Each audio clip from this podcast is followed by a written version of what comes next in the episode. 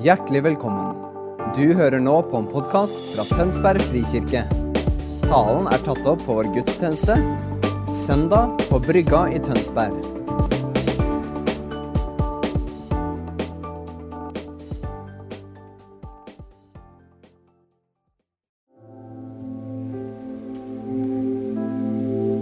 Takk for ditt skapende nærvær i vår himmelske Far. Gode, gode Jesus. Takk, gode Elian, For at du gjør det mulig at himmel og jord kan forenes. Og frukten, Jesus, er at vi bare blir stille i takknemlighet for at du er, at du råder, at du handler. I denne freden som overgår all forstand. Så smittes vi med noe av det fullkomne, noe av deg. Tusen, tusen takk, Jesus. Tusen, tusen takk, Jesus.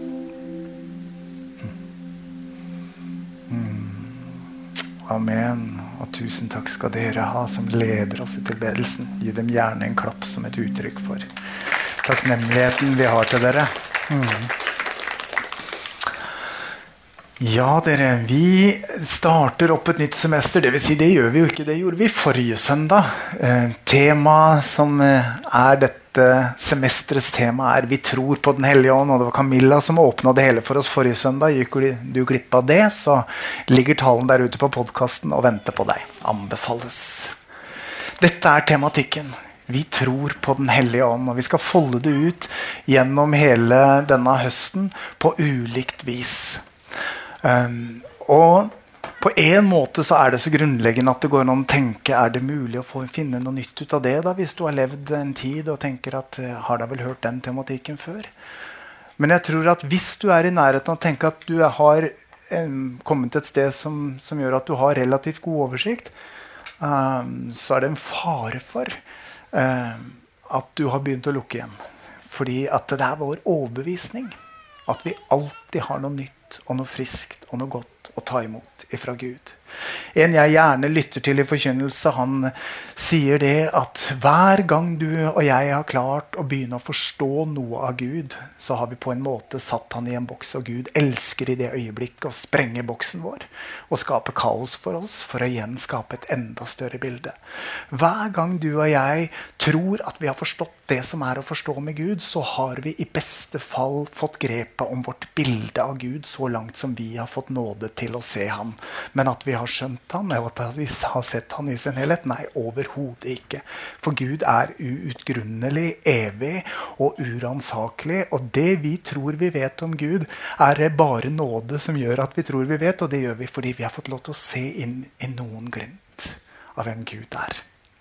Og så lager vi teologi og troslærer og alt dette her for å sette dette i system. Og det er ikke det at vi er uten, uten viten. Men jeg sier dette for å si til oss La oss nullstille oss med en forventning denne høsten om at vi har noe nytt og friskt og godt til gode fra Gud. Dere som har bibler med eller har appene klare, kan slå opp i Johannes 3. Vi skal starte der om et øyeblikk, men jeg skal gi litt intro på tematikken til før vi begynner. Se først på grafikken av dere. Er ikke den vakker? Det er Frida som har laget den. Det fortjener en klapp, bare det. Det er veldig morsomt, for når Frida kom til meg med den så, uh, Frida er jo bare på 20-tallet. Men jeg var jo ungdom og barn. Jeg var ikke ungdom, men jeg var barn på 70-tallet. Ser dere hvor retro det er? Eller? Det er jo som snytt ut av hippietida. Jeg elsker det. Jeg syns det er skikkelig fint. Virkelig fint. Men dette skal følge oss gjennom uh, denne grafikken skal følge oss gjennom dette semesteret. Og uh, noen ganger når vi skal folde ut tematikken jeg tror, vi tror på Den hellige ånd. Og vi er fortsatt viktig. For når jeg sa dette jeg sa til innledning nå, så er det sånn at hver og en av oss har våre perspektiver, våre åpenbaringer, de tingene vi har fått lov til å gripe som sannheter fra Gud, fra Gud. Og når vi legger det inntil hverandre, når det blir en felles bekjennelse Dette er vår bekjennelse, dette er vår erfaring med Gud. Så får vi et rikere bilde. Og jeg har en forventning til denne høsten At uh, noen av dere skal få en åpenbaring og en glimt og en erfaring. Kanskje dere blir forløst ute i en gave, eller kanskje dere, kanskje dere, får en tiltale som ikke jeg fikk, men som du fikk, men som vi dermed har fått. Fordi en imellom oss i menighetsfamilien har fått den. Og på den måten vokser vi eh, og, og, blir rikere sammen. Men, men det, det er iallfall to perspektiver i denne dramatikken som jeg ønsker at dere skal legge merke til, og som Frida har prøvd å gripe i symbolikken. Noen ganger kommer vi til å snakke om Den hellige ånd ut ifra gudsperspektivet. Hvem er Gud? Hvem er Gud Den hellige ånd? Hvem er han? Hva gjør han? Hvordan arter han seg? Og da har vi fokus på hvem han er. Da kommer det til å være en due der. Nå kan dere teste predikanten utover høsten på den brukersymbolikken riktig. Når vi derimot snakker om hva gjør Den hellige ånd? Hva skaper han? Hvordan konstituerer han en troende? Hvordan konstituerer han en menighet en menighetsfamilie? Da ser vi flammen i det menneskelige fellesskapet. Da er vi denne side. Da ser vi på oss, på menigheten. Hva gjør han i mitt hjerte? Hva gjør han i min kjernefamilie? Hva gjør han i min menighetsfamilie? Og Det er bare to sider av en mynt. Den hellige ånd er Gud. Immanent til stede. Altså, det er et teknisk ord. Her, fysisk til stede i oss som er hans kirke. Vi er hans tempel. Og dette griper troen med tanken. Men det er min bønn også at vi stadig mer skal erfare det med, ved Åndens hjelp som en realitet. Gud er sannelig midt iblant oss. Så Det er de to dobbelte perspektivene. Og Vi har to trosbekjennelser som hjelper oss litt også å, eh, som sikter litt ulikt. Vi har allerede bekjent troen. Den apostoliske trosbekjennelsen lyder i enhver dåp. Og der har vi mest fokuset her, på hvem vi ser Den hellige ånd som her. Vi tror på Den hellige ånd, en hellig allmenn kirke. Da er det hva Gud har skapt her ved sin ånd, som er fokuset. De hellige samfunn syndenes forlatelse, hvordan Hellige Ånd kaller til omvendelse, anger og frihet og nåde. Oppstandelse og evig liv. Da er det denne sidige. Mens derimot når vi er i den nikenske trosbekjennelse, den som vi bare bruker i høytidene, da er det gudsperspektivet. Hør på dette, det er ganske vakkert. Vi bruker ikke den så ofte.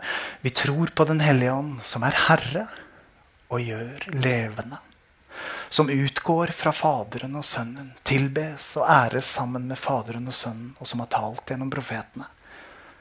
Og så kommer det også videre der da vi tror på en hellig allmenn apostolisk kirke osv. Ja. Ok. Dagens tema er et kjent tema, men en liten tvist. Jeg skal hjelpe dere med den. Vi tror på Den hellige ånd, som gir oss liv på nytt. Ikke nytt liv.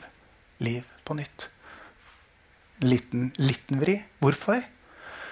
Fordi jeg ønsker at vi skal være på samme sida, alle sammen. Vi har hatt dåp i dag.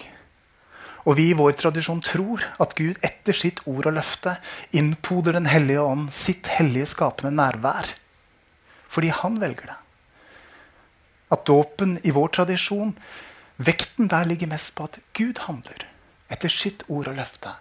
Og etter hvert som vi vokser opp, så får vi lov til å ta imot i tro. Ved Guds nåde. Alt er nåde. Han handler i nåde. Og han fortsetter å gjøre det. Sånn at dette her å få ta imot nytt liv er ikke bare en punktuell greie. For noen som vokste opp uten tro, så blir troen veldig, eller frelsen blir veldig punktuell. Da ble jeg frelst, er det noen som kan si. Opp med av de som tenker at jeg har et sånt punkt. Da ble jeg frelst. Ja, en del har det. Mens andre, sånn som meg, jeg kan ikke si det. Jeg har vært frelst bestandig. Jeg ble barnedøpt, og hver eneste dag jeg kan huske, har jeg levd med troen på Gud. Og jeg har sagt til noen av dere før at jeg, jeg tror faktisk jeg kjente Den hellige ånd før jeg kjente Jesus. For jeg har hatt denne erfaringen av Guds nærvær i livet mitt lenge før forstanden hadde lært meg å forstå hvem Jesus er, og jeg hadde blitt kjent med han gjennom menighet og Guds ord. Så det er forskjellig. Men det er alltid begge deler. Å bli født på ny eller å få del i det nye livet er et punktuelt startpunkt. Men så er det derfra en prosess som går og går og går. Og går. Og noen av oss, særlig vi lutheranere, vi strever litt når Filippe-brevet sier at vi skal arbeide på vår frelse. Det høres veldig katolsk ut. Er dere ikke enig?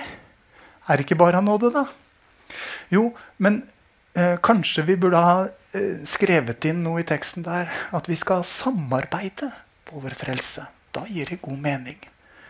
Fordi at hvis vi bare tar imot denne forvandlingen, enten det er gjennom å vokse opp som et barnedøpt barn og vokse inn i troen hjem sammen med familie og menighetsfamilie, eller det er denne radikale omvendelsen i voksen alder som gjør at du går fra mørke til lys, og alt skifter, så er det fremdeles fra det punktet en prosess. Det er derfor vi snakker trosopplæring for de små barna. Det er derfor vi snakker trosopplæring for hele menigheten 0 til 100. Fordi at dette livet sammen med Gud ved Den hellige ånd er en prosess. Som er et startpunkt, som for noen er definert, for andre ikke. Men for alle så handler det om å samarbeide med Den hellige ånd. For å vokse inn i den forvandling som Gud har for oss. Og det er det jeg skal snakke om i dag. Så derfor altså, Vi tror på Den hellige ånd, som gir oss liv på nytt. Da skal vi ta teksten. Et veldig kjent tekstavsnitt som vi skal dykke inn i fra vers 1 i Johannes 3. Det var en mann som het Nikodemus. Han var fariseer og en av jødenes rådsherrer. Han kom til Jesus om natten og sa, 'Rabbi, vi vet at du er en lærer som er kommet fra Gud.' For ingen kan gjøre de tegnene du gjør, uten at Gud er med ham. Jesus svarte. Sannelig, sannelig, jeg sier deg. Den som ikke blir født på ny, kan ikke se Guds rike. Hvordan kan en som er gammel, bli født? sa Nikodemus. Kan noen komme inn igjen i mors liv og bli født for andre gang?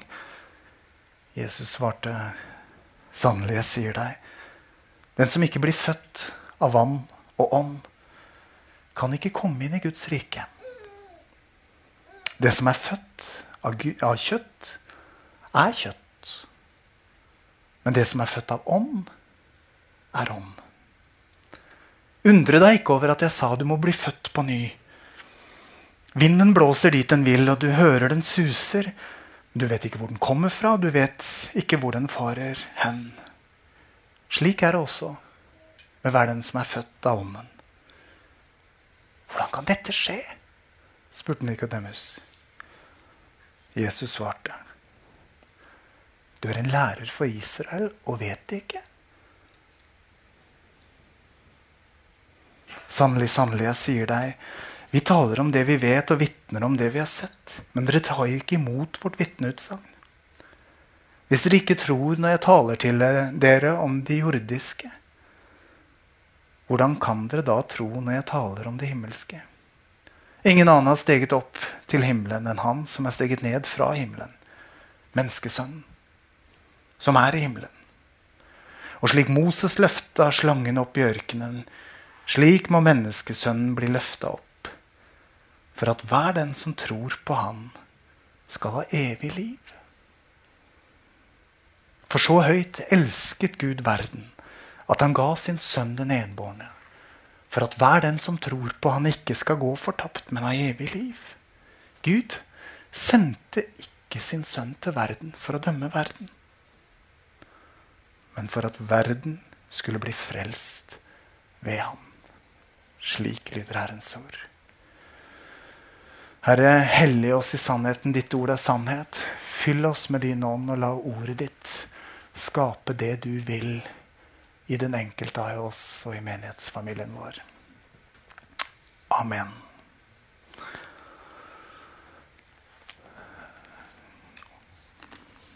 Jeg legger litt vekt på å lese det litt sånn omstendelig og tydelig, for jeg tror ordet skaper i det øyeblikket det lyder, ikke bare når jeg begynner å forklare det. Men denne fortellingen, møtet mellom Nikodemus og Jesus, er fascinerende, og vi skal grave litt inn. Nikodemus var ikke gjennomsnittlig. Han var en flott mann. Han hadde kommet langt. Han hadde lykkes, han var blitt en av rådsherrene. Han hadde gjort karriere. Han hadde sikkert lagt ned en del på veien for å lykkes. Og allikevel hadde han også bevart et mykt hjerte. Så mykt at i møte med Jesus så skjønner Nikodemus det mange andre blenda av for. Det er noe med denne mannen som har med Gud å gjøre. Jeg skjønner ikke hvordan dette henger sammen, men det er noe der. Og det Nikodemus gjør ja, Denne parallellen kommer jeg på på inspirasjon. og Jeg vet ikke om den er god, men jeg prøver. men, eh, den er omtrent som at biskopen i Den norske kirke, primas, skulle lista seg en tur over til Øystein Gjerme en kveld, en sen kveld og sagt Du, når det gjelder dette med Den hellige ånd Jeg skjønner at det er noe her jeg ikke har catcha. Det hadde vært kult. Kanskje han gjør det. Det vet ikke jeg. Men det er det Nikodemus gjør her. Han går helt over til en av disse oppviglerne. Og det var ikke få av de på Jesus samtidig. sant? Jesus var en av disse andre som hevda at han var Messias. Nå vet jo vi at han var det, men det visste jo ikke han sikkert. Så Jesus var bare en av disse. Og Allikevel har Nikodemus et så mykt hjerte at han våger å gå veien i lys av mørket. Da. Eller i skjul av mørket. For å stille han spørsmål. Jeg skjønner at du er fra Gud. For ingen kan gjøre det du gjør, uten osv. Skal jeg komme tilbake til det. Men dere, noen ganger er det ikke vår synd og vår skyld og vår skrøpelighet som står mest i veien for oss. Noen ganger er det vår styrke, vår CV, vår posisjon og våre resultater som hindrer oss mest i å følge Jesus. Men det skal jeg komme tilbake til. Men nå står han der, da, Nikodemus. Og så stiller han dette spørsmålet. Hvordan kan en som er gammel, bli født? Og Kanskje noen av dere også ved inngangen til tematikken her eh, Vi tror på Den hellige ånd tenker hvordan kan jeg, som har trodd på Jesus og kjent han så lenge, ha noe nytt å vente i møte med den tematikken? Hvordan kan en som har levd lenge, få lov til å starte på nytt? Hvordan kan en som er gammel, bli født? Og så sier Jesus til ham Og Jesus er ikke ironisk, han er ikke sarkastisk. Han er bare helt direkte med han, og så sier han Nikodemus, du er en lærer for Israel, og så vet du ikke det. Hva er det Jesus sikter til da? Jo, han sikter til at Nikodemus han kunne sin bibel. Han visste om livets elv i Edens hage. Han visste om den brennende tornebusken. Han kunne fortellingen om Guds nærvær i tabernakelet i ørkenen. Han kjente fortellingen om hvordan Guds herlighet fylte tempelet når Salomo hadde innvia det etter at det første tempelet sto der. Han kjente til Skriften. Han kjente Sekel 36. Løftet om at steinhjertet skulle byttes ut med et kjøtthjerte. Og han kjente Joel 3, som sa at i de siste tider skal jeg utøse min ånd over alt kjød. Han kunne disse fortellingene. Han kunne de på rams. Og dere, det jeg ønsker at vi skal lære av det, er at noen ganger står det vi vet, i veien for det Gud gjør nå. Fordi vi ikke klarer å trekke strekene og knytte prikkene sammen. Vi kjenner til så mye. Men så er det av og til at vi likevel ikke klarer å koble det vi vet, sammen med det nye som skjer, som vi ikke forstår. Og så går vi glipp av det Gud gjør. Av den grunn. Ser dere det? Det er det som er hans case. Han kjente det og hadde alle forutsetninger for å forstå hvem Jesus er. Men Jesus måtte hjelpe ham. Og Jesus gjør det.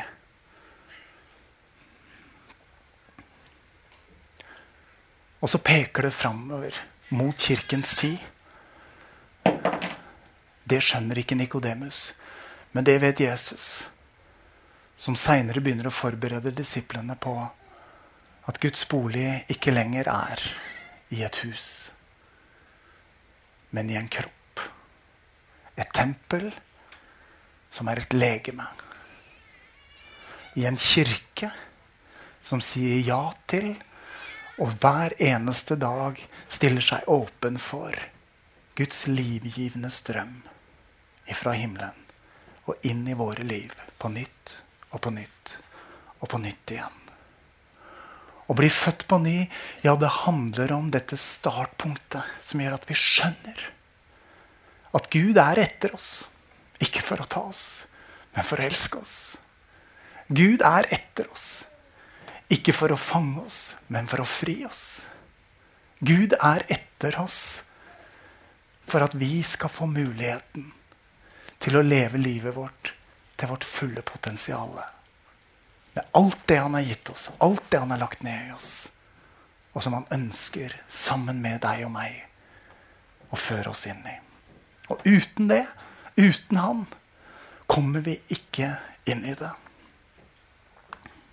Se på denne fyren her. C.S. Lewis.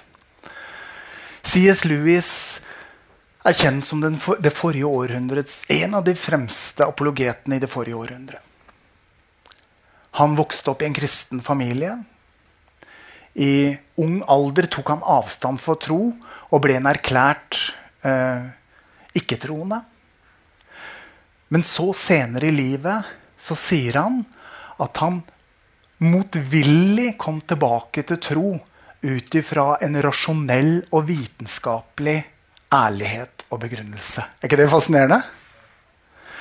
Han hadde kommet fra, han var en skarp tenker. Han hadde kommet fram til at det var helt umulig å avvise Guds eksistens.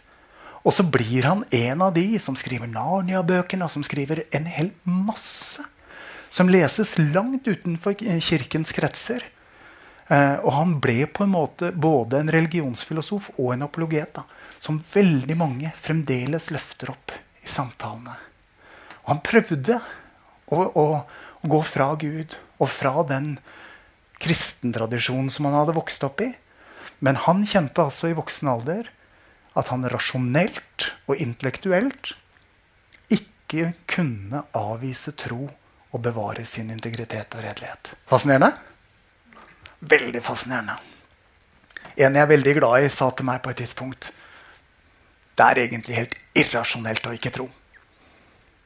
Da hadde han grublet seg fram til en bekjennelse. C.S. Lewis har skrevet en bok. Ikke den boktittelen som, som er på bildet her. Men han har skrevet en bok som heter 'Den store skilsmissen en drøm'. Og jeg skal sitere litt fra den boka. Jeg leser et bitte lite utdrag.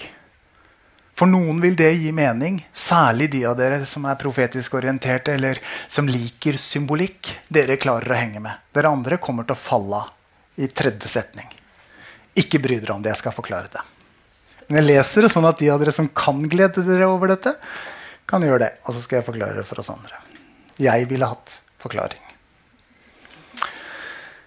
Ja. Er det noe håp for henne? Ja, litt. Det hun kaller kjærlighet til sønnen sin, har blitt forvandla til noe stakkarslig, tornete og trangt noe. Men det er enda en liten gnist av noe som ikke bare er henne selv i den. Det kan kanskje blåses flammer ut av den gnisten. Noen naturlige følelser er altså virkelig bedre enn andre. Jeg mener et bedre utgangspunkt for det virkelige. Bedre og verre. Det er noe i naturlig hengivenhet som gjør det lettere å lede den videre til evig kjærlighet enn det er å lede naturlig appetitt videre.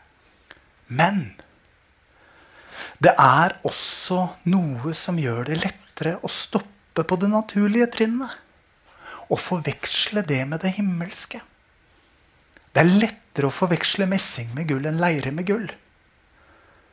Og hvis det til slutt nekter å bli forvandla, vil forvrengningen av den være verre enn forvrengningen av det dere kaller lavere lidenskaper. Det er en sterkere engel og derfor en villere djevel når den faller. Sitat slutt. det er litt vågalt å sitere dette. Men plukk opp boka hvis dere vil. Dere kommer til å bli begeistra. Kvoten. Det er lettere å forveksle messing med gull enn leire med gull. Dere, det er så enkelt når jeg erfarer noen av leireperspektivene i mitt liv. Det skrøpelige, det som lett går i stykker, og det som ikke holder så godt. Det som er min sårbarhet og skrøpelighet. Da er det lett å skjønne at nei, dette må jeg bytte inn i nådens navn og få gull for i stedet. Det salige byttet kaller vi det. Men noen ganger så er det faktisk ikke min synd og min skyld som står i veien for at Gud kan slippe til med sin eh, forvandlende kraft i mitt liv. Noen ganger er det min dyktighet, min styrke. Når jeg blir så trygg på den jeg er, og det jeg får til, og det jeg er i stand til, at jeg på det området ikke lenger trenger Gud, da står det enda mer i veien for meg til å ta imot Guds forvandlende kraft i mitt liv enn min svakhet gjør. Henger dere med meg? Derfor er det lettere å forveksle messing med gull enn leire med gull. Men målet for hver og en av oss fra Guds side er å veksle inn alt det vi er og har, så det blir til gull. Hans prosjekt med våre liv er å gå med oss i våre liv med sin skapende kraft. å velsigne og helliggjøre, rense og foredle. Sånn at det som er leire, blir forvandla til noe vakkert. Og at det som er messing, vår styrke, også blir forvandla til noe som er av himmelens karakter. For dere, det er ikke noe av det menneskelige som kommer inn i himmelen. Jesus sa det i Johannes 3. Det som er født av kjøtt, er kjøtt. Det som er født av ånd, er ånd. Det han gir oss, det han gjør oss og gir oss å være, er det eneste som har evighetskarakter over seg. Henger dere med? Og Derfor så er det, tror jeg, mye lettere at de tingene som gjør at vi er så flinke Akkurat som Nikodemus. Han hadde CV-en i orden, han var blitt rådsherre, han var høyt på strå, han hadde til livets uh, behov og mer enn det. Alt er på stell. Det er lettere å miste Gud av syne da enn om du trenger virkelig å få veksla inn litt leire. Men jeg ønsker at vi som menighet skal gripe til å se det. At alt må vi overgi i Guds hender for at det skal bli til velsignelse for oss og til ære for Han. At vår synd på en måte ikke gir Han ære, ja, det er så. Men faktisk blir også vår styrke og våre ressurser og våre evner noe som hindrer oss og står i veien for oss, og som ikke gir han ære hvis ikke vi gir han ære for det. Og dermed blir det til hinder for Guds vilje. Det som egentlig menneskelig talt er veldig flott med deg og meg. Men når vi gir det til han og sier 'Gjør med det som du vil. Ta av oss din vei', så kan også vår styrke bli til noe veldig vakkert i hans hender. Men dere, Kirken har alltid, alltid bomma på akkurat dette. Kirken har alltid hatt to grøfter hvor vi ikke klarer å holde det menneskelige og det åndelige sammen. Kirken har alltid har hatt én grøft av vranglære som kalles svermeri, hvor alt blir åndelig. Og hvor jeg ikke tenker en eneste tanke selv, og hvor alt jeg tenker, er noe jeg har fått fra Gud, og alt jeg erfarer, er åndskamp, og alt er åndelig. Det er en svermerisk grøft på den ene sida. Men Kirken har en annen grøft på den andre sida. som ender i humanisme. Hvor vi blir så Hvor vi et stykke på vei får hjelp til å innta vår, vårt potensial ved Guds hjelp. Men så får så fokus på hva vi er, og hva vi er i stand til, at vi egentlig bygger Babels tårn istedenfor Guds rike. Og så ender vi i en form for praktisk ateisme, humanisme. Hva kan jeg få til i egen kraft? Selv det som menneskelig talt er så vakkert som du kan forestille deg, har ikke framtida foran seg. Det er det bare det fullkomne som har. Og fullkomne, det blir du og jeg bare av nåde når vi lar Den hellige ånd få puste på oss og stelle med oss. På godt og på vondt. Så derfor Det er Ånden som gjenføder punktuelt på det tidspunktet du kan identifisere at du ble frelst. Hvis du kan det. Men han ikke bare gjenføder. Han fornyer også. Og hvis gjenfødelsen var alt som skulle til, og der har vi lutheranere et problem, for vi har liksom pakka alt sammen inn i dåpen og sier at det er full pakke og himmelbillett, og resten er bare å vente på at det skal skje. liksom. Der har vi bomma grovt. Og det gir jo ingen mening, dette ordet, hvis ikke det var en prosess som fulgte dette samarbeidet sammen med Gud. Sant? Han gjenføder oss, så troen blir vår. At vi kjenner at vi kan ta imot troen, og troen er bare en gave. Kan godt hende du må plundre, sånn som C.S. Lewis gjorde med rasjonell begrunnelse før du lander i en trygg trosvisshet. Eller det kan være andre ting i veien. Men troen er djupest sett en gave som vi bare tar imot. Og resten av det er at vi kobles på en livsstrøm som vi ikke har tilgang til uten. Og så fornyer han oss ved sin nåde. Er vi bundet da? Er det nødt til å gå veien da? Nei. Det er derfor filipperne sier arbeid eller samarbeid på din frelse. For vi kan gå i vår menneskelighet, eller vi kan lene oss inn til fellesskap med Han og fornyes i hans kraft. Jeg skal gå inn for landing.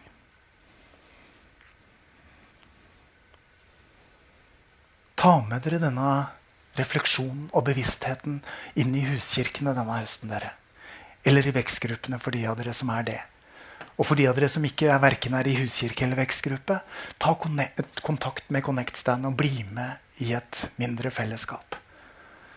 Dere går glipp av mye i Tønsberg frikirke hvis ikke dere er en del av et mindre eh, fellesskap. Fordi det er der den disippelgjørende prosessen skjer. Det er der vi kommer tett på hverandre. Det er der vi lærer hverandre å kjenne. Og det er der vi hjelper hverandre til å gjenkjenne hva som er sant om oss, og hva som er sant fra Gud i oss og gjennom oss. Og for at vi skal slippe å lande i grøften at det bare er meg, eller bare er Gud, men at det er meg og Gud, og at det er den prosessen som kalles disippelprosessen. At vi lever sammen med Gud og lar Han ha sin vei i oss. Det gjør vi best sammen med mennesker som vi kan reflektere sammen med. Og det er ikke presis vitenskap. Var det jeg som tenkte, eller var det Gud som sa? Var det jeg som følte, eller Den hellige ånd som berørte? Ja. Hvis du kjenner deg selv godt, så vil du gjenkjenne forskjellen på deg og Gud Hvis du ikke kjenner deg selv godt, så vet du kanskje ikke så godt forskjellen. Men jo mer vi blir kjent med hvem han er, og hvem jeg er, jo mer presise blir vi i dette landskapet. Så oppøves vår åndelige dømmekraft. Og så kan vi bli mer og mer frimodige til å gå i gavene og la Gud handle gjennom oss uten at vi sjøl tar æren. For vi skjønner at det jeg nå holder på med, kunne jeg ikke gjort hvis ikke det var for at Gud virka i meg ved sin ånd. Veldig mye sunnhet i det. Len dere inn. Connect Stand vil elske å koble dere på. Så en deilig powerpoint helt til slutt. Jeg håper det skaper et visuelt uttrykk som henger igjen. Det slutter ikke. Det fortsetter og fortsetter og fortsetter og fortsetter. Den hellige ånd vil gjennom denne høsten og hele vårt liv, så lenge vi samarbeider på vår frelse fornye oss i seg. Så det er invitasjonen min ved åpningen av dette semesteret. dere. Er vi klare til å nullstille oss med forventning om noe nytt og friskt ifra Gud? Er vi klare til å kunne overgi både de tingene ved våre liv som vi vet at trenger nåden ved seg fordi det er så leirete og skrøpelig? At det er bare Guds nåde og tilgivelse og omvendelse som kan få dette ut av livet? Ja, da er det all, all, all mulighet for det. Nådens spor er dekka. Men kanskje er det også for noen av oss i denne sesongen en tid for å legge vår styrke, våre evner og våre ressurser, våre planer og våre karrierer, vår formue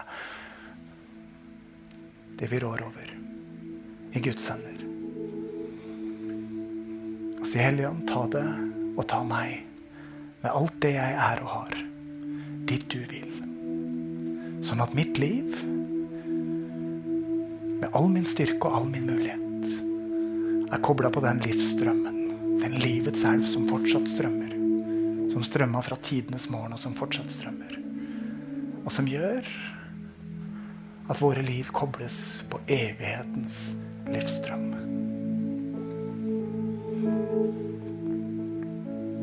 Gud insisterer ikke på å få gi deg og meg sine ressurser, sine gaver og sin kjærlighet.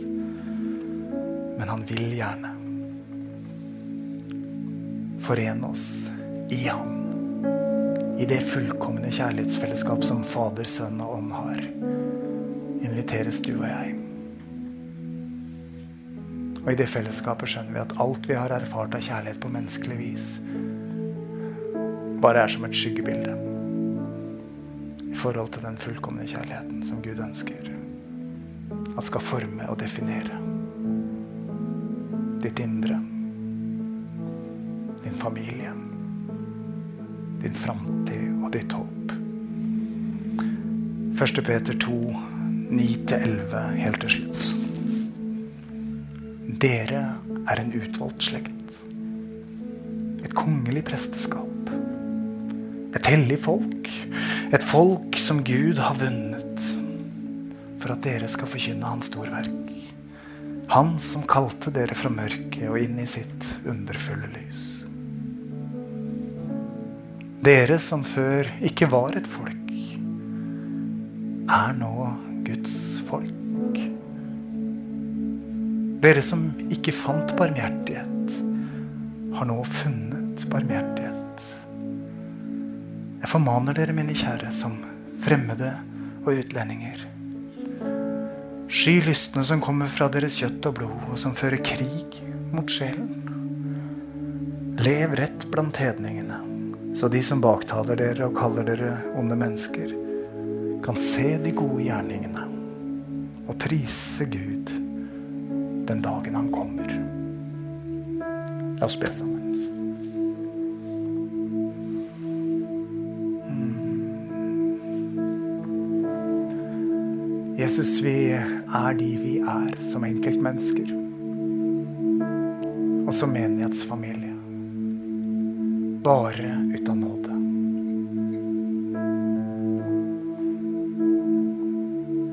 Herre, la din velsignelse hvile over oss denne høsten. Velsign den enkelte i menighetsfamilien vår. Velsign kjernefamiliene våre.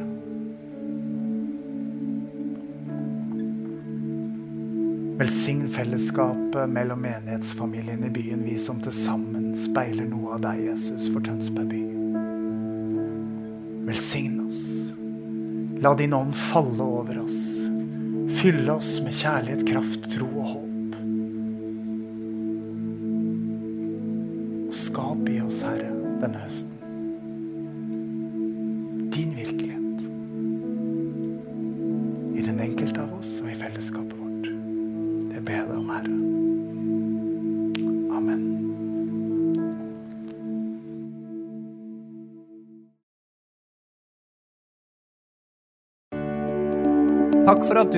Vår podkast.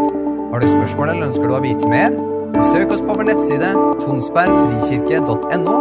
Du er også velkommen til kirke på Brygga i Tønsberg.